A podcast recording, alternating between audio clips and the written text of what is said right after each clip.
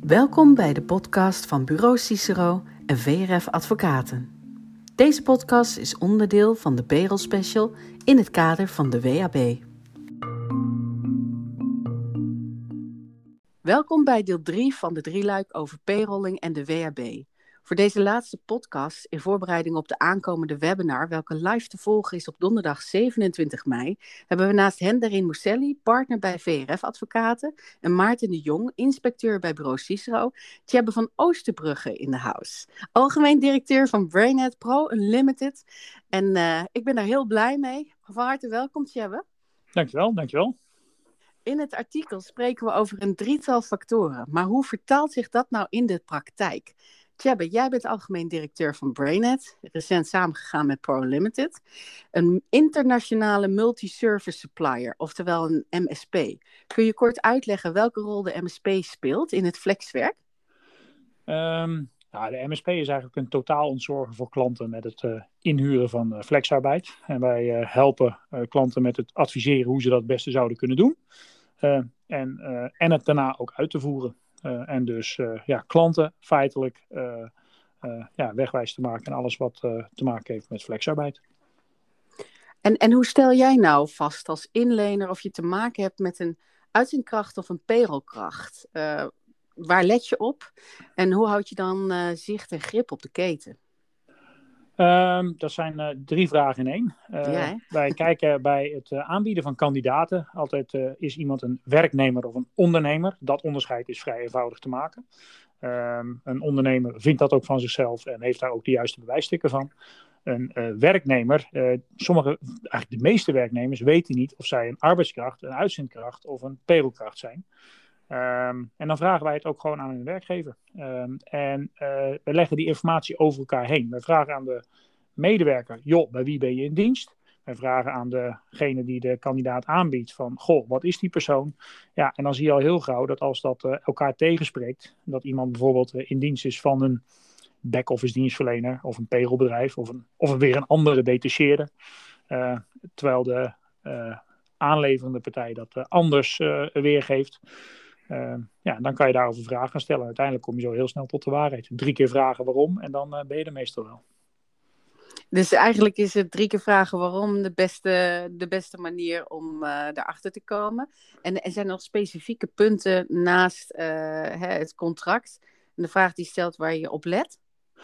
Nou, wij letten er dus vooral op dat wij de drie keer waarom ook stellen. Dus en aan de medewerker zelf en aan het bedrijf wat de kandidaat aanbiedt. Uh, in plaats van dat je het aan één partij uh, uh, vraagt. Hè. Dus, dus dat is een hele belangrijke. En een tweede wat wij doen, is dat wij ook de medewerker met name informeren over zijn rechten en zijn plichten. En aangeven dat als daar vragen over zijn, of als hij denkt dat het niet goed zit, dat hij daarvoor bij ons terecht kan. Dus uitvragen, maar ook informeren. Ja, correct. En als eenmaal de opdracht is gestart, doen wij zogenaamde was-audits met aanpak-schijnconstructie-audits. En steekproefsgewijs vragen wij gewoon uh, op salarisstrookniveau op uh, of iemand uh, voldoende verdient, correct beloond wordt en of die kwalificatie uitzendkracht of payrollkracht goed gedaan is. En zo hou je dus weer grip op de keten. Dus Absoluut. Dus was compliance is daar ook echt onderdeel van. Zeker. Oké, okay. Maarten, um, kom jij dit nou tegen in de praktijk? Dit soort was compliance audits?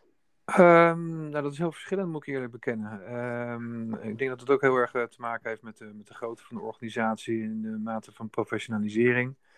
Uh, de uh, vraag of er in het verleden gepayrolled werd en nu ook nog gepayrolled wordt. dus er zijn een heleboel aspecten die daar een rol bij spelen. Je kan, ik denk dat dan niet in zijn algemeenheid zeggen dat in de flexmarkt deze werkmethode uh, algemeen geïntegreerd uh, en goed toegepast wordt.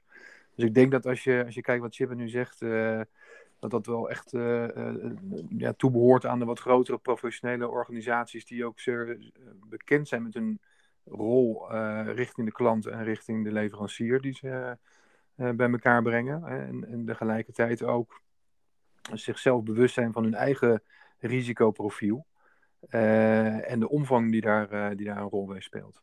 Ja, En nou kan ik me voorstellen dat er opdrachtgevers zijn die zeggen: ja, maar dat is een leuk verhaal. Dit kost me te veel. Ik kan hier geld in verdienen door te spelen met de regels. Dus zeg maar het, het kostprijsdenken. Hoe gaan we daarmee om? Tjebbe, kun jij eens uitleggen hoe je met dit soort uh, casus, of dat je het wel eens tegenkomt, hoe je daarmee omgaat?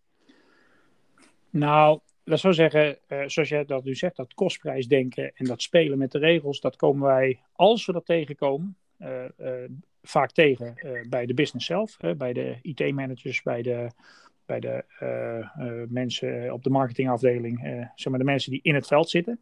We hm. komen dat niet meer tegen bij HR en bij inkoopafdelingen. Daar is er voldoende bewustzijn op dit onderwerp dat dit goed moet zijn. Uh, en op het moment dat een, een, een, een inhurende manager van een klant, uh, een business manager, hier zo mee omgaat, dan schakelen wij gewoon ook hun interne HR of inkoopafdeling bij. waarbij dan nog even duidelijk wordt uitgelegd dat compliance van het grootste belang is. We hebben altijd klanten die echt niet in de telegraaf willen staan met blokletters, dat ze zich niet aan de wetwaarde houden. Ik kan me dat voorstellen. Er is geen enkele opdrachtgever die dat graag zou willen. En dat is wel een mooie brug naar Henderin. Uh, want de risico's, uh, die zijn er, hè? Jazeker. Um, naar mijn mening zijn er een drietal zaken die relevant zijn voor opdrachtgevers en die ze zichzelf ook kritisch moeten afvragen. Uh, in, in, het verlengde van Tjebbe en wat Maarten net uh, hebben gezegd. Dat is één, als je niet kiest, word je niet gekozen. Dat betekent dat je als opdrachtgever jezelf moet afvragen waar kies ik voor en wat zijn daar de uh, eisen die daaraan gesteld worden en de verplichtingen die daarbij gelden.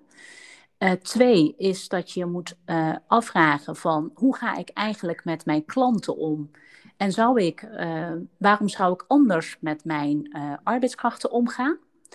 Uh, en het derde punt is uh, dat je als opdrachtgever jezelf ook moet realiseren dat compliancy en een schone keten niet betekent dat je maar een afvinklijstje hebt en dat je er dan bent.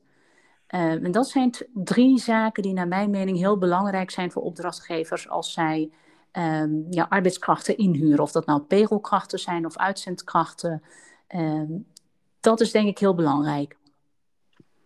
Nou, dat is een mooie aanvulling, uh, Henderien. Um, wil jij daar nog wat op aanvullen, Maarten? De risico's? Kom je nog wat tegen? Ja, nou, wat ik, wat ik wel uh, wil uh, aangeven is dat wij, als je kijkt naar de historie vanuit de flexmarkt, heel erg kostprijs gedreven dachten en soms ook nog denken. Wat je nu ziet is dat door die WAP um, bij het onderscheid tussen payroll en uitzendkrachten echt wel een hele significante kostprijsverschil ontstaan is. Die er dermate uitspringt, dat je wat Henry ook net aangaf, je moet, je moet een keuze maken. Als je die keuze niet maakt, hè, dus eh, wil je het goed doen of wil je het uh, een beetje goed doen of wil je juist die kostprijs zoveel mogelijk drukken, ja, dan kom je in een situatie terecht waarin je op een gegeven moment een keuze maakt, maar je kan ook niet meer terug wat je dan ziet is dat uh, de partijen die uh, bewust uh, puur op kostprijs gaan focussen, ja, die, die maken misschien op korte termijn een gewinnetje. Maar, maar Maarten, zou je kunnen uitleggen wat dat niet meer teruggaan betekent? Want je kan dan niet meer terug. Wat houdt dat in? Nou, dat houdt in dat als jij kiest voor een payrollkracht die je omkat naar een uitzendkracht op papier, mhm. dat je niet opeens na een half jaar kan zeggen, oh ja, ik zit me eigenlijk toch niet helemaal lekker ik ga er dan toch maar een payrollkracht van maken. Terwijl die partij uh, nog steeds bij diezelfde klant zit. En dus, dus je, je, maakt een keuze en die keuze zal je moeten volhouden. Of je zal met terugwerkende kracht alles moeten gaan corrigeren. En dat is natuurlijk de meest onaantrekkelijke variant. Dus um, afgezien van het feit dat je erachter komt dat je hè, per ongeluk een foutje hebt gemaakt. Of tot ander inzicht bent gekomen. Als jij die, die keuze maakt richting kostprijs drukken. Ja, dan, dan ga je dus een richting op waar je dus niet meer vanaf komt. Dat is een hele goede opmerking. En ik geloof dat Jebbe dat ook wel regelmatig in de praktijk tegenkomt. Ja, zeker. En ik denk even aansluitend op wat Maarten en uh, Hendrin erop zeggen. Kijk, doordat het kostprijsverschil tussen uitzendkrachten en payrollkrachten zo groot is, en stel dat je kosten wil besparen, dan loont het dus de moeite om echt zaken te doen met een uitzendbureau zoals dat in de wet bedoeld is. Je ziet dus klanten die beweging ook maken. Van oké, helder. Dan huur ik ook een uitzendbureau in. Dan laat ik dit uitzendbureau de allocatie doen. En dan stop ik met het uh, doorschuiven naar payrollbureaus van kandidaten die ik zelf geworven heb. Um, en doordat dat kostprijsverschil zo groot is, loont het die extra moeite om op dat vlak je proces om te groeien. Dankjewel, Tjebbe.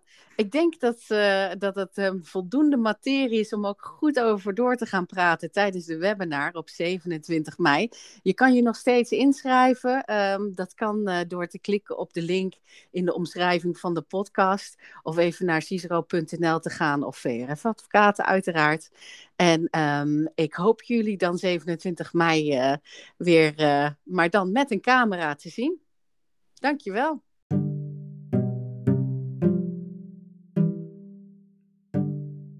Wilt u meer weten over payrolling en de keuzes die u kunt maken? Meld u dan aan voor onze webinar op 27 mei om 11 uur. Dit kan via cicero.nl.